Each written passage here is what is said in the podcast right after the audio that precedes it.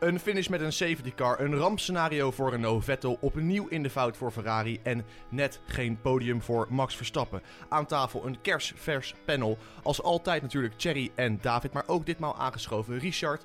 We zagen jou één keer eerder in 2018 met opnieuw van de partij een warm welkom. En naast onze vaste kracht hier aan tafel ook opnieuw, als vertrouwd, een gesprek met Tim Coronel. Dit is seizoen 2019, opname 2 vanuit Bahrein. Valtteri, it's James.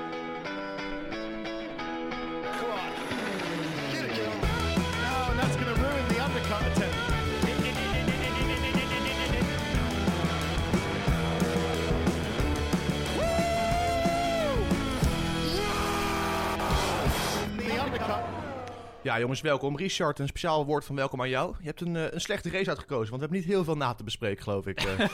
nee, nee, absoluut niet. Eh, ja, net geen podium, maar voldoende gebeurd om, om lang over door te praten. Toch wel, hè? Ja, ja, we hebben ons niet hoeven vervelen, mannen. Nee, het was een fantastische race. Eh, ja, zoals altijd, Grand Prix van Bahrein eh, zorgt altijd wel voor spektakel. Vorig jaar ook, 2017 ook. En ook dit jaar zijn we eh, weer verrast met een, ja, zoals Olaf Mol dat zo mooi kan zeggen, het venijn zet hem in de staart. Zeker Ja. voor Ferrari. Dus vanuit zit in de staart. Noem meteen een expert, Olaf Mol. En vandaar is natuurlijk een kleine stap naar onze eigen, onze huisexpert, zou ik willen zeggen, Tim Coronel. We spraken hem al even vlak voor de uitzending. En over Vettel zei hij het volgende. Ik zie geen wereldkampioen. Ik zie Leclerc hem echt helemaal afmaken in alle hoeken en gaten. Als die gozer de vier keer wereldkampioen is geweest, dan moet het in zijn vorige leven geweest. Want nu laat hij dat zeker niet zien. Hij maakt zelfs foutjes waarvan je denkt, "Hmm, is hij wel Ferrari waardig, hè?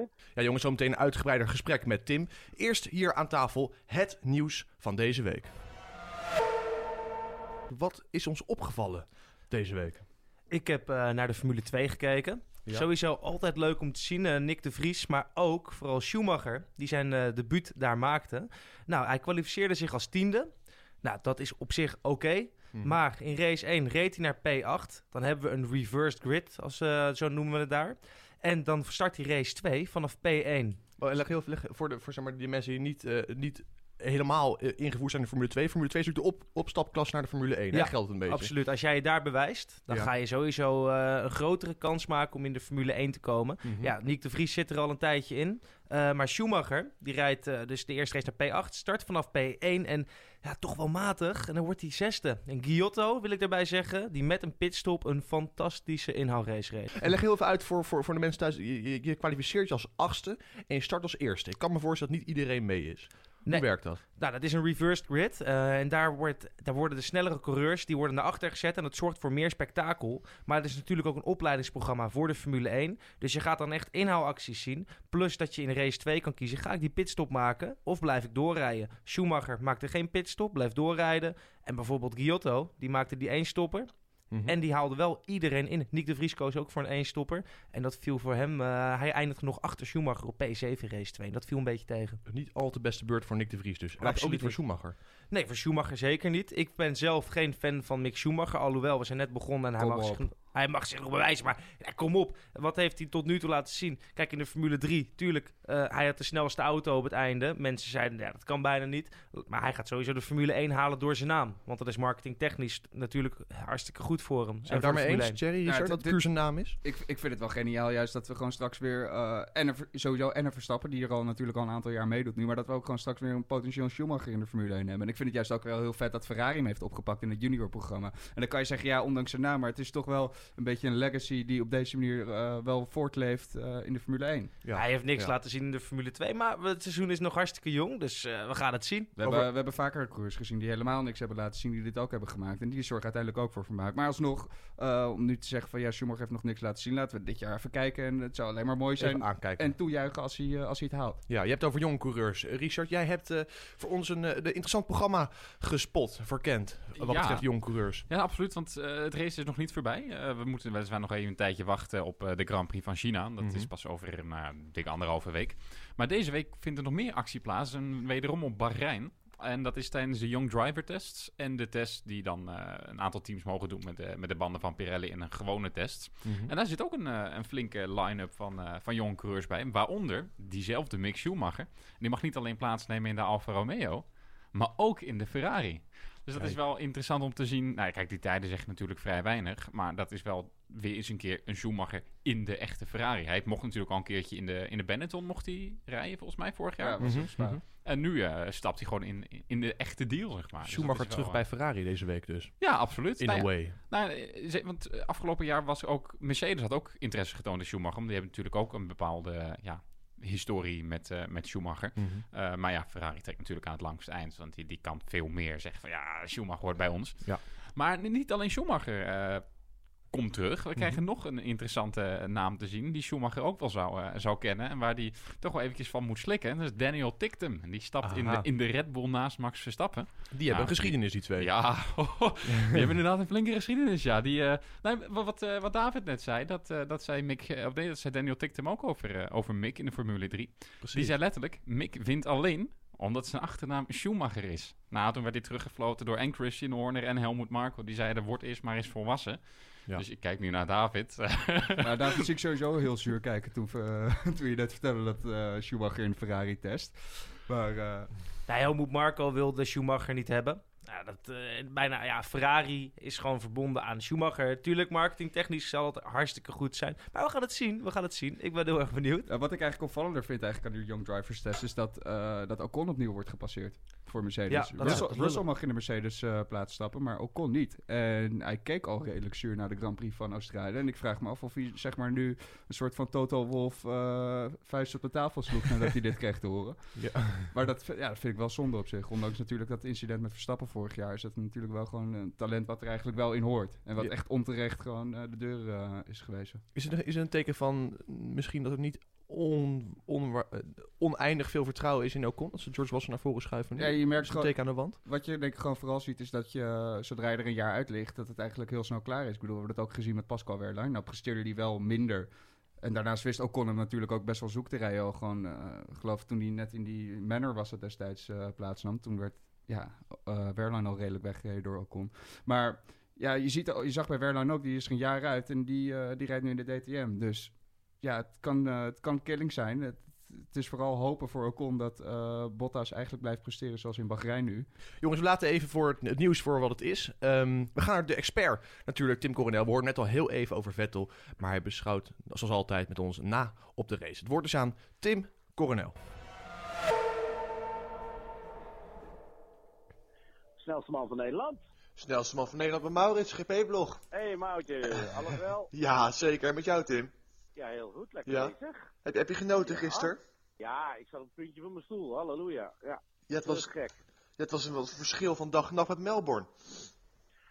Ja, nou ja, het leuke is, is eh, kijk, als het Max niet is, dan mag het voor mij Ferrari zijn. Ja. Vettel, laten we dat voorop stellen, maar wel Ferrari. Ja, en die Leclerc, ja, die Mickey, man, wat kan ik genieten van zijn rijstijl en wat hij deed. Dat kontje lekker een beetje heen en weer gaan. Hij pakte dat ding met twee, echt alsof hij een hengstbeet pakte en hem even aftemde. Eh, echt heerlijk om, eh, om naar te kijken, ja. Ja, is 31 augustus 2019 de dag dat wij een nieuwe grootheid zien opstaan in de Formule 1? Ja, Vettel die gewoon uh, vier keer wereldkampioen en zulke fouten maakt. Eh, ik zie geen wereldkampioen. Ik zie eh, Leclerc hem echt helemaal afmaken in alle hoeken en gaten. Hè? Gewoon rustig eh, een foute start maken. En, ja, ja, magie. Ik, eh, ik- Ja. helaas eh, kon ik niet echt veel van Max genieten. Max zelf volgens mij ook niet. Maar als je kijkt, dan haalt hij echt wel het maximale uit die auto. Maar die hebben wel nog wat werk te doen. Ja, hoe kan dat, Tim? Hoe kan ineens dat Red Bull... Ja, hoe kan dat? Ja, ze zijn natuurlijk een bepaald pad ingeslagen waarvan ze denken dat de auto sneller is. En eh, ja, op een, een of andere manier blijkt dat toch niet helemaal het pad te zijn. Ja. Kijk, het is niet alleen afhankelijk voor jezelf. Misschien hebben ze wel intern en ten opzichte van vorig jaar stappen gemaakt, maar niet genoeg eh, ten opzichte van de rest. De rest is gewoon slimmer. Ja. Wat zegt het eigenlijk over Gasly dat hij nu twee races min of meer anoniem rondrijdt? Ja, want dit keer was hij dan ik met niet uitvallers wel de punten. Gasly maar- zegt, want eh, hij heeft zijn zitje echt wel verdiend. Heeft natuurlijk goede dingen laten zien voor Europa. Dat niet en allemaal dat soort dingen. Ja, het- deze auto eh, is nog niet helemaal volgens de rijstijl van deze jongeman. Misschien ook niet echt van Max, maar Max Mhm. weet het er nog een beetje uit te toveren. Ja. Hè, zo moet je het eigenlijk maar zien. Ja, ja. De andere verliezer, zo je wilt, Tim, is inderdaad wat je net al noemt, Vettel. Jij zegt, ik zie geen wereldkampioen daarin. Nee, nee, nee, nee. Als die gozer de vier keer wereldkampioen is geweest, dan moet het in zijn vorige leven geweest zijn. Want nu laat hij dat zeker niet zien. Hij maakt zelfs foutjes waarvan je denkt, "Hmm, is hij wel Ferrari waardig, hè? Die spin bedoel je dan? Ja, ja, het zijn altijd de rijdersfouten bij hem hè, de afgelopen tijd. Hè. Laten we dat even vooropstellen. Ja. Bij Leclerc is het gewoon eh, die MGA eh, of MGUA, weet ik veel hoe dat ding heet. Eh, Vettel doet het echt telkens zelf. Ja. Ja. Ja, dat vind ik nog wel wat. En dat gaat dan, die traditie gaat terug tot zeg maar Duitsland. Hockenheim vorig jaar had hij hem gewoon in de muur rijdt zonder eh, verkeer in de buurt. Bedoel je dat? Zo lang terug ja, gaat dat? Ja, ja. Is dit, eh, kijk, een foutje maken, zeg ik van, dat is menselijk, hè, dat hoort erbij. En, eh, en, en je, je ziet aan hem dat hij, dat hij op een, een of andere manier, ik, ik mis die bite van hem. Hè, Ja. Hij heeft natuurlijk een hengst onder zijn kont en die hengst die moet je temmen. Ja. En hij is gewoon te lief. Gaat het nog komen? Of denk je, hij is Ik echt afgezakt? Nou, ik hoop het wel. Zowel voor hem als voor de sport. Hè. Ik Mhm. bedoel, eh, we willen allemaal natuurlijk wel een beetje eh, op het tandvlees mooie gevechten zien. Overigens was het natuurlijk een mooi gevecht met Hamilton. Hè. Precies, ja. Alleen, ja, zo'n fout hoef je niet te maken. Hè. Die- spin was onnodig. Kijk, hij was hem toch al kwijt, wat mij betreft. En nou, dat weet hij nu zelf ook wel misschien. Aan de andere kant, ja, wat heeft hij ermee verloren? Niet echt superveel, ja, een plekje. Ja. Ja, nee, ik hoop dat het niet in zijn kop gaat werken. Ik hoop dat, ik zie, ik zie ineens baarden ontstaan, ik zie snorren ontstaan. Eh, eh, snorren en een baard word je in ieder geval niet sneller, dat is me Dat duidelijk. is, duidelijk- dat, dat is de conclusie van dit weekend, Tim. Baarden en Ja, snoren dat is helpen niet. conclusie Van mijn weekend, ja. 1, 2, 3 volgende week eh, om af te sluiten. China, wat denk je? Wat voorspel je? Eén Leclerc, twee Vettel, drie Hamilton. Weer geen Verstappen dus. Red Bull heeft dus echt Nee, stappen te zetten nog. Nee, ze hebben het gewoon niet goed voor elkaar eh twee Oké. Oké. Tim, Daar ontzettend... is gat te groot voor. Gat is te groot. Ja, oké. En best the rest eigenlijk, tot slot dan? Wie, wie wordt eh 6 dan wel 7? Nou ja, ik vond Lando Norris vind ik wel fantastisch. Hè. Die, die jongen heeft nog niet eens één kilometer naar Formule 1 gereden, wordt even zesde in dat ding. Ja, ja, die hebben ook mijn hart wel een beetje gestolen op het ogenblik hoor. Ja, Leclerc en, eh, en Norris zijn de grote winnaars. Nou, ik hoop eigenlijk dat eh Ricciardo er wel weer even bij komt en Hulkenberg. Ja, Oké. Oké. niet, niet voor Renault, maar wel voor hun persoonlijk. Kijk, je bent in de gulle bui. Tim, ontzettend veel dank. We gaan het optimisme meenemen naar China. En dan spreken we je heel graag weer. Tot dan! Oké, doei doei! Ja, jongens, eh, Tim zegt onder andere: Red Bull lijkt op het verkeerde pad. Zijn we het daarmee eens? Absoluut. Het Ja? ziet er gewoon niet goed uit. Kijk, ehm, een paar jaar gele- vorig jaar, twee jaar geleden, hadden ze een supergoeie auto. En het motorblok werkte niet mee. En nu ziet het motorblok er gewoon redelijk solide uit. Betrouwbaar. Hij loopt hard op het rechte stuk. Maar ze missen nu gewoon... eh, Het chassis is niet goed. En dat is wel heel erg balen. Want dat was eerst de magie van Red Bull. Hè. Die auto is supergoed. Ze winnen heel veel met downforce. Eh, Monaco bijvoorbeeld, daar waren ze de allersnelste. Dan hadden ze niet eens een goede motor nodig. Ja. En die hebben zeker nog heel veel werk te verzetten, wat eh, Tim al zegt. We gaan inderdaad eindelijk, jongens, nabeschouwen op de race. Ja, David, ik blijf even bij jou, want we gaan natuurlijk traditioneel eh, bij jou de start herbeleven. En dan met meer specifiek de start van Verstappen.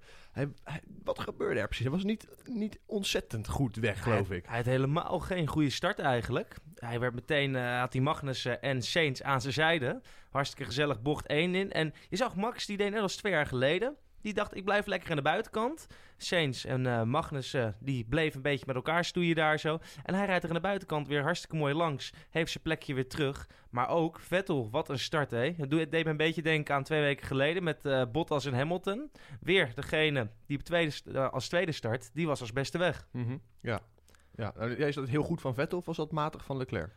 Ik denk dat het heel goed was van Vettel. Goede reactie. Het leek bijna traction control zoals die wegreed, zeg maar. Zo goed. Ja, dat ging inderdaad wel behoorlijk soepel. Wat, wat je vooral altijd ziet bij Bahrein wel, is normaliter dat die, buiten, dat die buitenkant sneller is. Alleen, ja, het was toch wel bijzonder dat Vettel nu, doordat hij eigenlijk bocht 1 en dan bocht 2 eh, gelijk erop met dat rechte stuk hebt, dat, eh dat Leclerc hem niet direct terug kon pakken. Maar hij viel ook gewoon gelijk wel echt helemaal achter de Mercedes eh, Ja. zelfs. Wel zonde. Ja. Maar goed, hij heeft het daarna wel weer helemaal, eh, helemaal goed gemaakt. Ja, ja Leclerc, jongens, zijn we het met eh, Tim eens dat dit, dat dit een grootheid is in de Formule 1, nu altijd dat aantoont? Absoluut, absoluut. Ja, nee, ik bedoel, als je kijkt... Kijk, die, die start van Leclerc, dat kan ook nog deels komen omdat hij natuurlijk nog nooit eerder op, op pole heeft gestaan. Kijk, in, Mhm. in Melbourne had hij dan de, de luxe dat achter hem het- het veld langzamer was en voor hem ja, sneller, maar kon hij er wel goed langs. Ja. Maar ja, ja hier... eh, ja, hij verloor die posities wel misschien meteen eh, aan, aan Vettel en aan die Mercedes. Maar hoe hij dat daarna terugpakte, dat is gewoon cool blijven en, en vervolgens doorrijden. Ik bedoel, een gat van, van 20 seconden naar je teamgenoot trekken. Dat, dat, ja, Nee, bizar. Heel Ja, simpel. Vettel, of eh, sorry, eh, Leclerc en Max. En misschien Norris, moeten we nog iets meer van zien. Ik ben er sowieso fan van. Maar dat, die twee, dat zijn de sterren van de toekomst. Die gaan eh, om de kampioenschappen vechten. Je zegt eh, een punt wat ik me gisteren afvroeg. Zou Verstappen niet een beetje balen gisteren? Die zit al, al, al vier jaar nu in de Formule 1. Die heeft nog nooit een pol Ja, gepakt. tuurlijk, tuurlijk. Ja, Hij wil Doet dit dat ook. pijn? Ja, tuurlijk doet dat pijn. Ja, Weet de, je, hij de rijdt mokerslag voor hem kwam natuurlijk vorig jaar in Mexico toen Ricciardo hem eh, voor zijn neus weg had gepikt. Ja. Dat was eigenlijk zijn moment om, eh, om toe te slaan. Maar ja, goed, dan word je toch nog wel op het laatste moment gepiepeld door, door je teamgenoot. En ja, dat was al... Ik denk dat hij daar nog steeds zo... eh, ja, dat het diep bij hem zit dat hij, eh, dat hij die niet heeft kunnen pakken toen. maar ik kan het ook breder trekken dan dat, toch? Dat Leclerc in één keer met Ferrari de, het goed voor elkaar lijkt te hebben. Even los van de jongste polsitter worden. Leclerc meteen, bam, vooraan. Het kan meedoen om de knikkers, zo lijkt het. En Verstappen toch een beetje te Ja, sappen maar op Leclerc zit ook wel bij far een betere auto dan dat Ja. Verstappen eh, tot die tijd heeft gezeten. Ja, dat is gewoon een kwestie van keuze. Ik bedoel, Verstappen die heeft natuurlijk op zijn 17 een debuut kunnen maken dankzij Red Bull. Mhm. En daar komt natuurlijk ook een stukje loyaliteit bij kijken nu. En als Red Bull het dan nu niet voor elkaar heeft, ja, hij is nu wel zeg maar bekroond officieel tot de nummer 1 van het team. Hij draagt het hele team. Ja. Dat is natuurlijk ook een luxe positie waarin hij zit. En ja, dat je dat team niet direct voor de wereldtitel gaat strijden, ja, dat, dat is iets wat je, wat je dan voor lief moet nemen. Maar, maar dat, hij heeft daarbij wel het voordeel nu dat hij het hele eh, team en de auto ook naar zijn hand kan zetten. Ja. Weeg, weeg dat op tegen... mm, Zo zijn we het daarmee eens eigenlijk, met die lezing? Ferrari is gewoon in ieder geval bij, in Bahrein, dat zag je, 8, eh, 18e op Red Bull, 15e of 4, 4,5, 15e op Mercedes. Heb je by far de snelste auto. Ja, en dat is ook geluk, weet je. Eh, eh, je moet ook geluk hebben met keuzes maken als je naar bijvoorbeeld George Russell kijkt. Ja, sorry dat ik het zeg. Maar op deze manier, kijk, hij zit gelukkig bij Mercedes. Maar op deze manier ja, gaat je, krijg je carrière gewoon geen boost. Ook al kan je supergoed rijden. Misschien is hij wel, bij, hij is, ik noem maar wat, de allerbeste. Maar als je bij Williams ziet, zit, dan kan je nooit je potentieel laten zien. Nee, dat hebben we ook gezien met Sirotkin. Ja, of Stoffen van Doorn eh, Ja. vorig Ja. seizoen en het seizoen daarvoor bij McLaren. Ik bedoel, normaal als je had gezegd, je gaat naar McLaren omdat je geweldige dingen hebt laten zien in Formule 2, dan denk je van, ah, ik ben binnen. En vervolgens krijg je twee jaar de kans, laat je zien wat je kan laten zien. En word je volgens eh, afgedankt als, eh als oud vuil. Nou werd hij Ja. wel behoorlijk zoek gereden nog door... Alonso. Alonso. Ja, maar dat is natuurlijk ook weer... Al ja, maar ik, ik, ik vond het wel grappig. Toen ze Alonso ook e- eventjes op Alonso inzoomde, hij keek heel zuur. Dat was waarschijnlijk omdat Leclerc uit was gevallen. Maar volgens mij diep van binnen ook toen hij zag dat Norris Ja, op P6 precies, eindigde, hoor. Dat, eh, Natuurlijk doet het pijn. Tuurlijk. Hij, Hey. heeft, hij heeft jarenlang met McLaren gereden. en, en altijd maar achteraan. Ja. Dus ja, weet je, dat doet pijn. En nu rijden ze ineens weer in de top 10. Ja, nou, jammer eh, voor Alonso. Nou ja, Nee. nog even terug naar Alonso. Want ik, ik vond het wel apart. Hij, hij had er ook op gereageerd. Want natuurlijk had hij de vraag gekregen van Spaanse media van... Ja, bouw je er nu al van? Maar Mhm. toen zei hij ook wel iets wat interessant is. Laten we niet vergeten dat hij vorig seizoen uit Bahrein wegging... als vierde bij de, eh, in het kampioenschap. Ja. En dat is natuurlijk ook zo. Ik bedoel, McLaren schoot toen ook redelijk uit de startblokken. Maar tot aan, ja, eigenlijk de rest van het seizoen eh zakten ze weer terug. Dus Zou vertekend kunnen zijn, enigszins. ja, maar als je naar het tempo kijkt, denk ik toch... Ja, ja ik weet niet. Dit, dit- dat, dat maakt het zo spannend. eh. Ja, Maar we, zijn, is- we zijn wel onder de indruk van het rijgedrag van Lennon Norris, denk ik, toch? Net Ja. als Tim. Zeker, zeker, zeker, zeker, zeker. Hoe moeten we dat lezen ten opzichte van de rest van het veld? Ten opzichte van jonkies als Albon, als Leclerc? Nou, Nou, Albon, Albon deed dit ook wel eh, leuk hoor. Punten pakken eh voor Kwiat. Mhm. En eh, vor, eh, vorige, nee, ja, vorige race in Melbourne deed het ook al aanzienlijk. Ja, dat is toch iemand die gerecycled is door Red Bull, zeg maar. En een last minute weer aan boord is gehaald. Mhm. Maar die doet het echt wel, eh, echt wel leuk. Maar niet, zo, niet zoals Lennon Norris. Dan zeg je van, nou, die zijn redelijk aan elkaar gewaagd. Nee, maar dat is ook wel het verschil tussen die McLaren en Toro Rosso. Ik bedoel, Ja.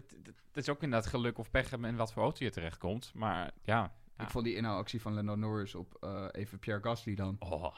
Buitenom. Vol, volle bak over de curves. Wat was het in bocht 4, 5? eh, en er buitenom eigenlijk gewoon liet Norris het even zien hoe, je, hoe Sainz het had kunnen doen.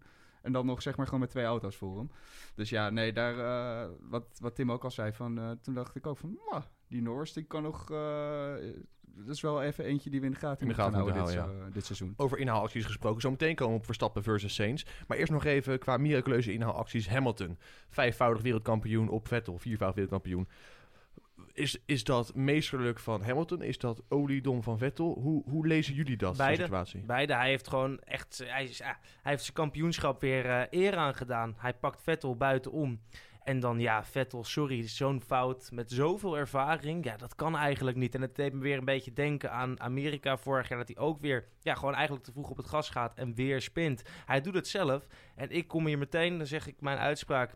Dit gaat bij Ferrari misschien nog wel eens de knop doen omzetten. Om te zeggen, Leclerc, jij krijgt nu de voorrangspositie. Vettel blijft maar doorgaan met fouten maken, wat Tim zegt. En Leclerc die kan voor het wereldkampioenschap scha- strijden. Zo gaat het gebeuren, denk ik. Ik, ik weet niet of dat zo snel zou gaan gebeuren. Maar wat je vooral zag is dat Hamilton een heel slim mee heeft uitgespeeld. Hij kroop echt als een soort van sluipmode naar eh kroop je op Mhm. Vettel af na zijn na zijn tweede pitstop. Eh, ja, wat je ook zag, hij eerste DRS-stuk eh, bleef hij er gewoon achter. En dan vervolgens op de lijn voor, ja, wat is dat dan eigenlijk? Is dat dan volgens mij de eerste DRS-zone? Eh, die na bocht 2, 3. En maar daar het pakt hij hem eigenlijk gewoon precies wat, wat, wat iedereen eigenlijk deed. Wat ze eens deed, wat, eh wat Lando Norris ook deed. En hij pakt hem daar gewoon heel mooi buiten, buitenom. En ja, het is gewoon wel weer gênant dat Vettel, eh, inmiddels de spinkoning, eh geloof ik nu de derde keer in zes races, dat hij, eh, dat hij weer gewoon spint eh onder druk. Dus, Nog even, hij heeft meer van die domme spinnen dan dat hij wereldtitels heeft.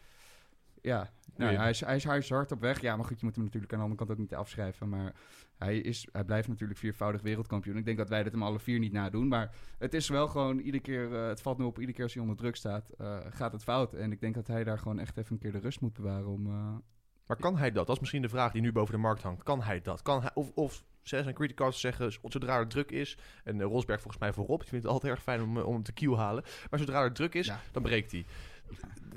He- Geloven wij dat hier? Denk, niet dat hij naar ons zal luisteren, onmiddellijk, denk ik. Maar, Nou ja, als, als we even kijken wat er op het circuit gebeurt, eh, zien we dat nu drie keer gebeuren. En ja. eh, wat, wat nog het meest gênant is dan, is dat zijn teamgenoot deze race ook gewoon vol, eh, wat, is, wat jij inderdaad zei, 20 seconden bij hem wegrijdt. Er in waren nog in de- 12 rondjes te in gaan. dezelfde Maar- wagen. In Ja. dezelfde wagen. Dus eh, ik weet niet of Ferrari direct eh, Leclerc. Ik bedoel, het is natuurlijk nu ook één race. Eh, vorige race was hij weliswaar ook sneller. Maar we moeten even kijken hoe dat zich ontwikkelt verder dit seizoen. Maar Vettel staat wel onder druk. Eh, niet alleen van Hamilton, maar ook van Leclerc, die eh, nu al eh, in zijn nek begint te hijgen. Ja. Ja, en, en maar dat is juist ook wat we willen zien. Ja. Ja. dat vind ik ook wel interessant. Dat, dat de medelijden dat Leclerc gisteren kreeg Mhm. van zowel concurrentie als media, dat werkt natuurlijk ook tegen Vettel. Ja. Ik bedoel, Ferrari kan nu veel lastiger zeggen, we gooien hem toch onder de bus om eh, Vettel Ja. een keer een, een race te laten zou kunnen zeggen, hij verliest de zegen, maar hij wint de sympathie. Absoluut. En, dat, is, dat is gigantisch deel. Die, die Ja. psychologische strijd, die, die, die win je. Mocht het een keer aankomen op laten we Leclerc opofferen om Vettel een, een betere positie te geven. Nou ja, dan krijg je... Nou, ik- Ferrari geeft natuurlijk niet zo heel veel om wat, wat men van hen vindt. Ik Ja. bedoel, dat hebben ze in het verleden wel laten zien. maar ja, eh, dat, die, die- ja, Leclerc, dat, is toch het nieuwe aanstormend talent. En Vettel, die heeft ja, zijn beste jaren wel gehad. vertoont wat ouderdomsvlekjes. Richard, ik blijf even bij jou, want jij schreef de recensie van de coureurs hè, deze, dit weekend. En je gaf Sebastian Vettel daarin een 6. Dat is dus gewoon eigenlijk een, eh, een, een, een voldoende. Ja. Kun je dat, kun je dat, kun je dat uit, zonder ter verantwoording willen roepen, kun je dat uitleggen? Nou ja, het is, je kijkt natuurlijk naar het hele raceweekend. Je kijkt niet alleen naar de kwalificatie, je kijkt ook naar de race. Ja, En ja. in de kwalificatie haalde hij toch echt wel het, maximale eruit. Alleen Mhm. was Leclerc gewoon beter. Ja. En ja, ook als je kijkt naar de, het begin van de race. Sebastian Vettel heeft een, prachtige start. En, en die weet precies wat hij moet doen. Maar vervolgens zakt hij gewoon in. En dat, als je weet hoe goed die SF90, zeker op Bahrein, vanaf Bahrein is... kan je dit niet aan de auto... Je niet de auto de schuld geven. Dat, dat, dat kan gewoon niet. En vervolgens die spin erbij, dat is ontzettend knullig. Maar ik, ik vind toch dat op het moment dat het erop aankomt bij die start... en hij he- weet dat hij op zaterdag het heeft verprutst... en Ja. op zondag het goed kan maken... dan is hij er wel en dan doet hij het wel. Maar ja, vervolgens gaat hij inderdaad wel finaal in de fout. Maar om dan te zeggen, ja, dit is een, een dikke onvoldoende... Hij blijft er wel zelf in geloven en hij gaat er ook nog wel voor. Met Dus, de hakken over de sloot dus. ja, ni- nipt. Echt. Vijf en een half had ook nog wel gekund. Maar Oké. De enige die volgens mij, voor als ik de, de cijfers overzie, de enige die volgens jou echt door het ijs is gezakt, is Lance Stroll. Die geef je een 4. ja, ik bedoel, kijk, Romain Grosjean, het het is een, een aparte vent. En kijk, als je die documentaire Drive to Survive ziet, dan krijg je echt wel hè? medelijden met die jongen. Ja. Maar hoe Lance Stroll in, een, in, in, in het begin... Kijk, Romain Grosjean kon in Melbourne niks doen aan zijn DNF. En vervolgens krijgt hij ook nog een, een tijdstraf, omdat, of nee, een, een gridstraf in, in Bahrein, omdat zijn team hem, hem niet goed informeert. Ja. Dan valt hij drie plekken terug en dan wordt hij gewoon in, in ronde 1 door zijn sokken gereden, eh, voor zijn sokken gereden door Lance Stroll, die gewoon vrolijk doorkaart. En ja, dat je denkt, man. Maar dat is ook wel deels natuurlijk de schuld van Racing Point. Kijk, als hij een betere auto had gehad, dan had hij dat probleem misschien niet gehad. Maar nu, ja, nu weet hij, ik zit bij een, een beter team, het geld is er. En dan nog zit ik net voor de Williams. eh, Ja, nee, dan had je net zo goed daar kunnen blijven zitten. Iemand anders die misschien ook net wel, de slash net niet door het ijs zakt, is misschien wel Pierre Gasly. David, Thierry, hoe kijken jullie naar zijn prestaties op basis van deze twee eerste races? Voor. Red Bull dan dus. Ik vond hem eh, nu in ieder geval een stuk beter dan in dan Australië. Dat sowieso wel.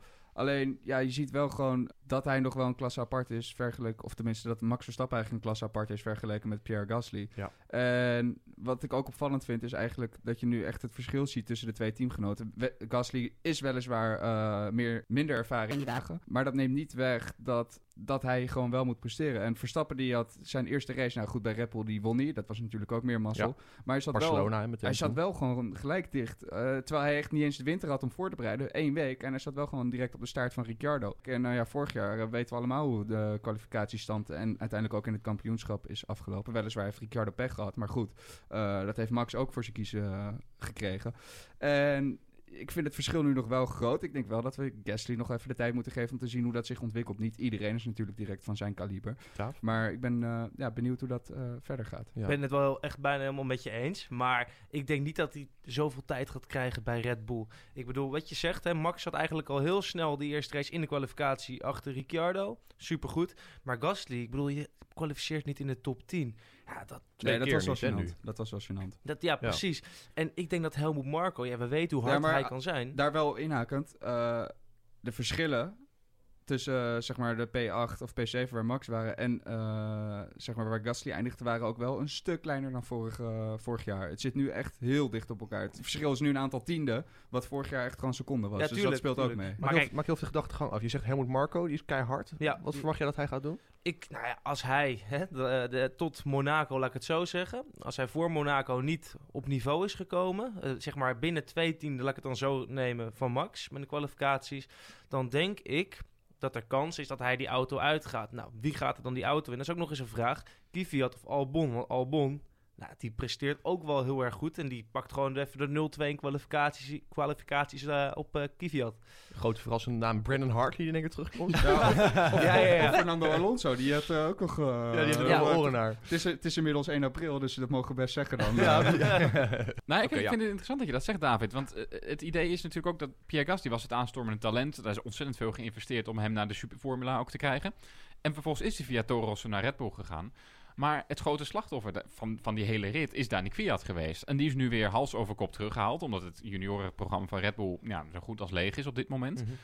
Ja, Red Bull kan het denk ik niet maken om te zeggen... Ja, je bent eerst naar, eh, naar Toro Rosso gaan, naar Red Bull... Terug naar Toro Rosso, eruit, weer naar Toro Rosso en nu weer naar Red Bull. Maar niet kunnen maken bij Red Bull, dat maakt ze niet uit. Die Helmut Marco, dat, die, ja, die, die kiest altijd wat hij denkt. En hij zal niet nadenken, ja, ik vind het lullig voor jou, dus we doen dit en dat. Nee, zo gaat het daar niet. Het zijn gewoon keiharde keuzes. En als Albon beter presteert eh, dan Kvyat, dan zal Albon eh, die Red Bull krijgen. Maar ja, laten we eerst maar eens kijken hoe Gasly het nu gaat oppikken. Maar Betekent, Helmut Marco betekent wel... dat ook gelijk dan weer dat Max Verstappen een race gaat winnen als eh, Albon wordt... eh, ja, nou. Nu hè? statistiek. Ja, het is niet een degradatie van Kvyat, maar het is toch wel weer een klap in zijn maag zou dat zijn. Dus wie weet. Ja, ja, zodra het met de Kvyat kut gaat, gaat Verstappen excelleren. Jongens, wat betreft eh, Verstappen en, en, en het robbertje vechten en kijk naar de concurrentie. Op een gegeven moment, volgens mij is het ronde 2, 3, maar pin me er niet op vast, komt er een, ineens een oranje bolide komt langs zij. En dan zijn er, vanaf dat moment zijn er allerlei verschillende lezingen. Eh Vrijt is, Sainz die eh, heeft een lekker band en Verstappen rijdt fluitend verder. Hoe, ehm, wat gebeurde daar? Nou ja, het is, eh Sainz die probeerde eigenlijk een beetje hetzelfde wat Hamilton even later dan wel bij Vettel deed. Alleen, wat Sainz, ja, wat, ik vond het gewoon stom, want Sainz die was er voorbij. maar je weet, je zit langs Verstappen, die geeft, die geeft niet op. Mhm. Verstappen remde vervolgens veel later, haalde de binnenbocht. En Sainz die ramt hem gewoon fluitend vol op de apex. eh, terwijl Verstappen letterlijk vol op de curb zat. Die kon eigenlijk nergens anders heen. Want er zat ook net zo'n eh, zo'n paaltje voor. Dus ja, het is of je Mhm. vo- eh, voorvleugel echt aan flarden rijden. of echt de minimale ruimte die hij eigenlijk overliet aan Sainz. Maar Sainz die knalde hem gewoon vol erin. En ja, Verstappen komt op de curb terecht. Rand Sainz vervolgens een lekker band. En ja, hij, hij wordt daar boos om. Ik vind het echt zelf echt complete onzin. Hij had gewoon meer ruimte moeten geven. We zagen later ook met Bottas. Eh, die overigens weliswaar iets sneller is, maar die liet gewoon echt flink wat ruimte aan de binnenkant over. Omdat je weet het ook, weet je. Je kan niet in één klap vol in zo'n snelle bocht gewoon naar binnen rammen als je weet dat er iemand aan je binnenkant zit. En dat is gewoon... Daaf zit eh, driftig te knikken. Ja, wat, kijk, wat Cher zegt, hè. Eh, hij duwde hem vol op de curb. Maar Max moet eigenlijk blij zijn dat zijn vloer nog heel is. Want hij had ook zijn hele vloer eraan kunnen rijden. En dan was het een hele zure race geworden voor hem. Maar Sainz die zal hier wel van leren. En die weet, ja, zo gaan we dat niet doen. Want als je ook naar Hamilton en Vettel keek... Hamilton nam ook de ruimte. Want die buitenbocht was daar, als je de buitenkant nam... die was heel erg snel. Zeker als je gewoon eh, sneller bent dan je voorligger en je gaat er op het gas. Het is eh, gewoon niet slim. Nee, kijk, ik ook nog even naar, Da- naar David. Want Ja. ik, ik, ik vond vooral de opmerking van Zack Brown een dag later eh, wel interessant. Want die zei, de bocht was van Sainz. Alleen daar zijn inderdaad nog wel wat verschillende Zack definities Brown, over. teambaas van elkaar Ja. natuurlijk. Ja. Va- Van, van wat, wanneer is nou de bocht van iemand? Want Zack Brown zag, Sainz zat er, was er voorbij. Iets voor. Ja. En dus betekent dat dat Max Verstappen had af moeten remmen. Hij Nee. zat weliswaar buiten de cup, maar hoe zit dat dan? Heel simpel in race. Als jij aan de buitenkant zit, ben je plat gezegd, ben je de lul. Dat is, eh, dat is als je de Ja, het, buitenkant wa- het was gewoon een race-incident. Ja, En dat, tuurlijk. dat is ook zo Tuurlijk. bestempeld. Dus, eh, ik, ik, ik, ik had ook niks anders verwacht. nee, ik ook niet. Maar jongens, kijk, we- weet je, het is nu gebeurd nu ja, bij Max. Maar het maakt, stewards, het, het maakt het racen wel weer hartstikke leuk. Weet je, je ziet mooie duels. eh, ja, er kan Ja, wel eens schade gereden En worden. trouwens, Verstappen had ook een slow puncture daarnaast. Hè? Dus die Ja. had ook eh soort of problemen. Zijn strategie Ja. werd aangepast, absoluut. Maar Volgens ik- mij was in... Ja, sorry, Richard. ja, nog heel eventjes op, eh, op David inhaken. Want hij zei inderdaad van, zo, kunnen mensen inderdaad weer racen. Interessante was dat vrijdag was er dus blijkbaar een meeting geweest tussen alle eh, coureurs en de FIA. Om eh, een, een idee te krijgen, waar Gary Connolly inderdaad ook bij zat. De, dus de steward, Mhm. die, eh, die niet al te erg fan is van jonge coureurs. Ehm, die in het verleden Max Verstappen wel eens een keer een straf heeft gegeven. Ja, je drukt je heel voorzichtig uit. Ja. Ehm, maar dit was dus een meeting om te kijken wat de, de coureurs eh, als definitie hadden van let them race. Om Mhm. gewoon te kijken van wanneer moeten de stewards wel ingrijpen en wanneer niet. En wat Ja. onderliggen zegt, we gaan geen directe beslissingen nemen. Maar er zijn een aantal belangrijke punten waar iedereen het over eens was. Waar we echt wel naar gaan kijken. En toen ook de reactie van Sainz daarna bij, eh, bij eh, de camera van Jack Ploy was. Mhm. Dat hij inderdaad zei van ja, het was gewoon een race-incident. Wij mochten gewoon racen.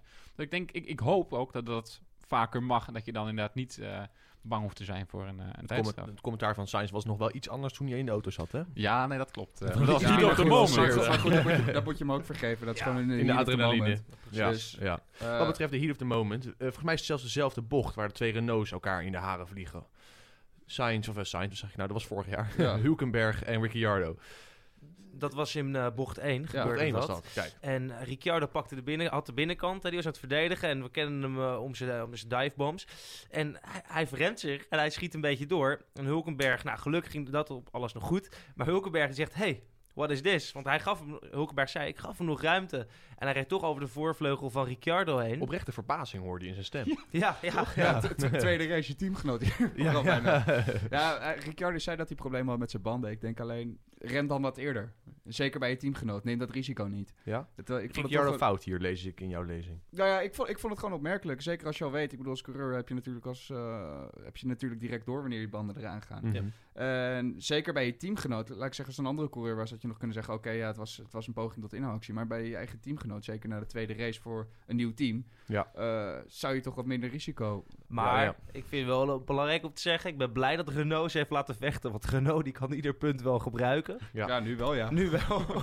maar goed, ik ben blij dat ze laten vechten. Niet dat ze als een treintje achter elkaar moeten gaan rijden. Dat, dat, vind, Nee, dat dat moet ik ze dan dat weer eh, toegeven. Maar ook vind dat ze inderdaad wel leuk met elkaar omgaan. Dat, dat je inderdaad die verbazing in de stem van Ja. Hulkenberg hoort. Maar niet een boze verbazing, maar meer een... Wat gebeurt hier? Ja, wat gebeurt Ja. hier? En dan gewoon dat ze, dat ze nog wel met elkaar om kunnen gaan. Ja, dat, dat blijkbaar is best een goede relatie ook, leek, Ja. bleek daaruit eigenlijk wel. nog wel een beetje Commentaar. awkward af en toe als je die filmpjes van Renault ziet. Maar, eh, nou ja, wat betreft de awkward, eh, Renault, het, het eindigt uiteindelijk weer in traan. Dit ging goed, maar het is, dit- het is huilen met de pet op daar. bij Voor Franse Ricciardo helemaal. Ja, Die, ja, die gaat gewoon op dezelfde voet eh, door waar... eh, maar die grijns op zijn gezicht ook. Toen, die, toen, toen Jack Ploy vroeg, ja, wat was het? En je ziet, je ziet Ricciardo heel eventjes nadenken.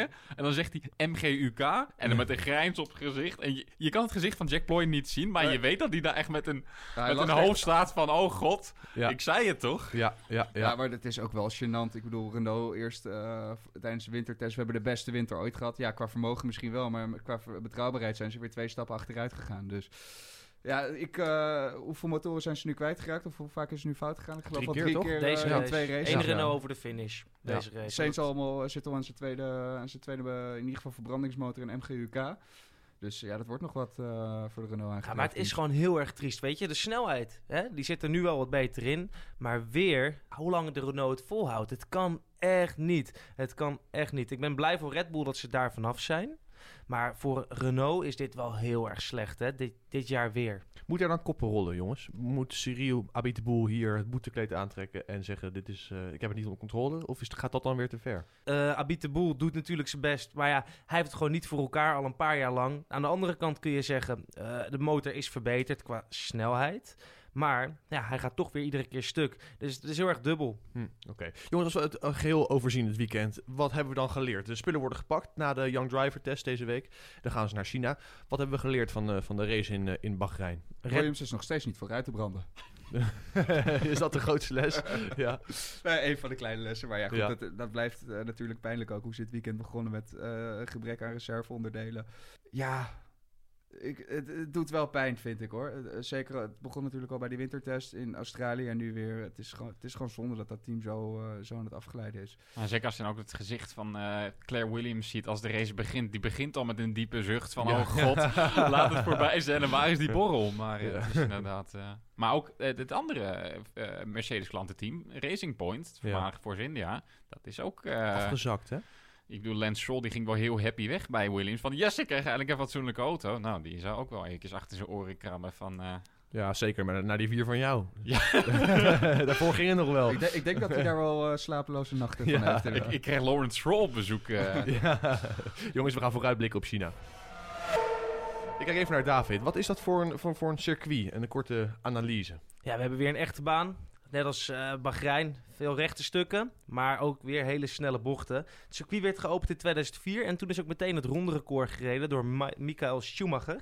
1.32.2, 5 kilometer lang.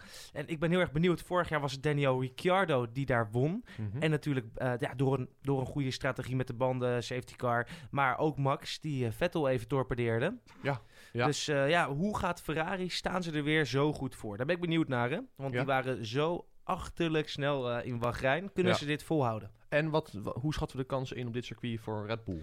Dat is eigenlijk bijna niet te zeggen. Hm. Maar vorig jaar waren ze het derde team, geloof ik. Alleen toen kwamen ze vanwege eh, die, wat was het, virtual safety car en een Ja, gunstige vertical pit. safety car, ja. En die pitstop eh, hadden ze natuurlijk een perfecte strategie Perfect om aan te vallen. Ja.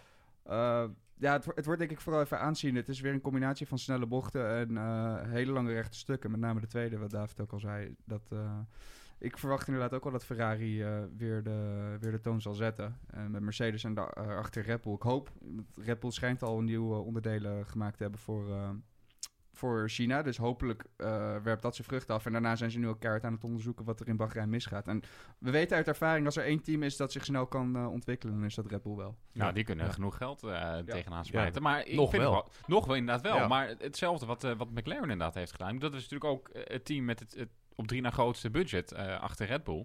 Die hebben dat ook gedaan. Gewoon eh, consequent met geld smijten. En dat lijkt op zich de vruchten af te werpen. Dus Ja. ook dat team is interessant om te zien. Hoe dicht zitten die op Red Bull eh, in China? Ik, vind dat, ik vond het wel een hele leuke battle ook. Ik hoop eigenlijk dat dat, eh, laat ik zeggen, dat Red Bull tegen Mercedes aan zit. Maar het zou heel vet zijn als McLaren McLaren, erbij er ook bij komt. Dat het echt gewoon, laat ik zeggen, een drie-strijd wordt om, eh, om een tweede team te zijn. Dan zie ik McLaren nog niet direct het tweede team. Maar het zou wel leuk zijn als dat zich verder ontwikkelt dit Ja. seizoen. Dat tegen de top aan gaat schurken. Zeker. Vooral met Lando Norris. Overigens de duizendste race, jongens, in China over twee weken. Het is, een, eh, is dat iets waar we lang naar hebben uitgekeken? Of meer gewoon Ja, een leuk feitje heb- voor, de, zij- voor de bühne? Ik heb vanaf de 900 Grand Prix eh, elke keer. Ja, dat wil je niet weten. Ja, we hebben hier, we hebben verjaardag. we, we strepen ze allemaal af. maar is het een illustere, illustere omgeving in Shanghai voor nummertje 1000? Ah, ze kunnen mooi vuurwerk maken daar volgens mij. Dus, eh, ik, ik had toch liever een race als Monaco gezien, de duizendste. Dat heeft toch iets meer eh, ja, sfeer en de hele jetset. Dat was denk ik misschien wel een vettere locatie geweest. Maar goed, ja, we weten niet. Misschien dat de Chinezen er ook iets eh, waanzinnig iets van kunnen maken. Ja. Dus- Tot slot, jongens. De Chinese fans en eh, de glazen bol. Eh, als, als altijd, eigenlijk even snel de 1, 2, 3. Begin bij jou, Richard. Wie verwacht je? Het is natuurlijk koffiedik kijken. Of in de zin van te speculeren zonder nog een kilometer daar gereden is. Of zelfs een meter. Maar als je alvast een voorschoedje moet doen op basis van Melbourne en, ehm, en Bahrein. 1, 2, 3. Eh, Charles Leclerc op één. Die Oké. krijgt een nieuwe motor tijdens de gewone race. De, de kapotte wordt nog gebruikt tijdens vrije training. Maar met een nieuwe motor moet het sowieso gewoon lukken. Hij Mhm. laten zien dat hij het kan. Eh, twee, nou laten we Vettel maar niet doen, want die maakt weer een domme fout. Of wordt getorpedeerd door of Danik Fiat of Max Verstappen. Ehm L- Lewis was ook twee. op China trouwens, dat hè? Ja, nee, daarom. Dus dat, Ja. eh, laat, laten we dat maar eventjes erin houden. Ehm, Lewis Hamilton denk ik wel op twee. En gevecht om drie. Bolles denk ik niet. Eh, laten we maar gewoon voor de, voor de grap McLaren zeggen. McLaren, kijk eens Lando aan. Norris. En Max die er ergens in achteraan of zo. Nou, ik denk, ik denk dat die nog wel eh, in China dat, het, dat de omkeer nog niet gaat komen. Ik bedoel, als je Helmut Marko mag geloven, die, die is heel positief. En dan ligt hij wel redelijk. En als, het, die, eh, als hij negatief is, dan spreekt hij de waarheid. Dat is het, eh, dat is het voordeel. Ehm, dus als die zegt dat het nog wel een paar maanden gaat duren, dan, dan geloof ik hem wel op zijn woord. Ja, Dus dus, Leclerc wel winnaar, Hamilton 2 en dan Mc- McLaren met Norris op 3. Niet Sainz dus trouwens. Nee, nee, nee. Ik, ik, ik zag Sainz, die blijft nog net iets te heethoofderig. Terwijl je een, een, een Lando Norris hebt die, eh, die toch wel redelijk cool blijft. Is. Ja. Ja. Wat is jouw lezing? Ik sluit me bij Richard aan met Leclerc op 1. Ik Ja. denk, eh, het zou ik ook wel mooi vinden na eh, de Bakel in Bahrein dat hij gewoon de duizendste Grand Prix wint. Natuurlijk ook mooi eh, als goedmakertje. Ja. Eh, twee, ik hoop Bottas. Gewoon Mhm. puur dat Hamilton niet te veel uitloopt. Eh, nee, ik hoop eigenlijk Vettel dan. Toch? Omdat. Ferrari dan even in komt. En dan Strijd drie... spannend. Nou, ik doe gek. Bottas gaat weer een keer eh, gas geven. De naar- man met de baard. Ja, de man met de baard gaat gas De man met geven. de baard op. 3 en de man met de snor op 2. Ja, Oké. en dan de man zonder, eh, zonder iets op 1. En Verstappen? Eh, daarachter, ik denk weer P- P4, Oké. P5-ish. Gasly, komt hij nog een beetje meedoen? Of Ja, ik denk dat we blij mogen zijn als hij weer een puntje pakt. een beetje jodelen achterin? Oké, Daaf. Tot slot. Leclerc gaat eh, de P1 pakken. Hamilton 2 en Verstappen die gaat eh, de derde plek pakken. Want Vettel en Bottas die gaan weer foutjes maken. Kijk, toch nog een podium voor En Verstappen. Maurits? Eh, ik denk Leclerc ook, 1. Ehm, ik denk Hamilton 2, Vettel 3. De ervaren rotten die moeten toch wel hun stem doen gelden. Ja. Denk ik. Daarmee zijn we aan het einde gekomen, jongens, van de tweede aflevering. Een speciaal woord van dank natuurlijk aan eh, onze vriend van de show, Tim Coronel. En heel veel dank ook aan Richard, dat je weer eh, bij ons hebt gevoegd. En natuurlijk ons vaste panel, Thierry en David. Eh, we zijn er weer over twee weken, dan dus met de duizendste race vanuit Shanghai. En voor nu twee goede, razend snelle weken. En tot dan vanuit Shanghai.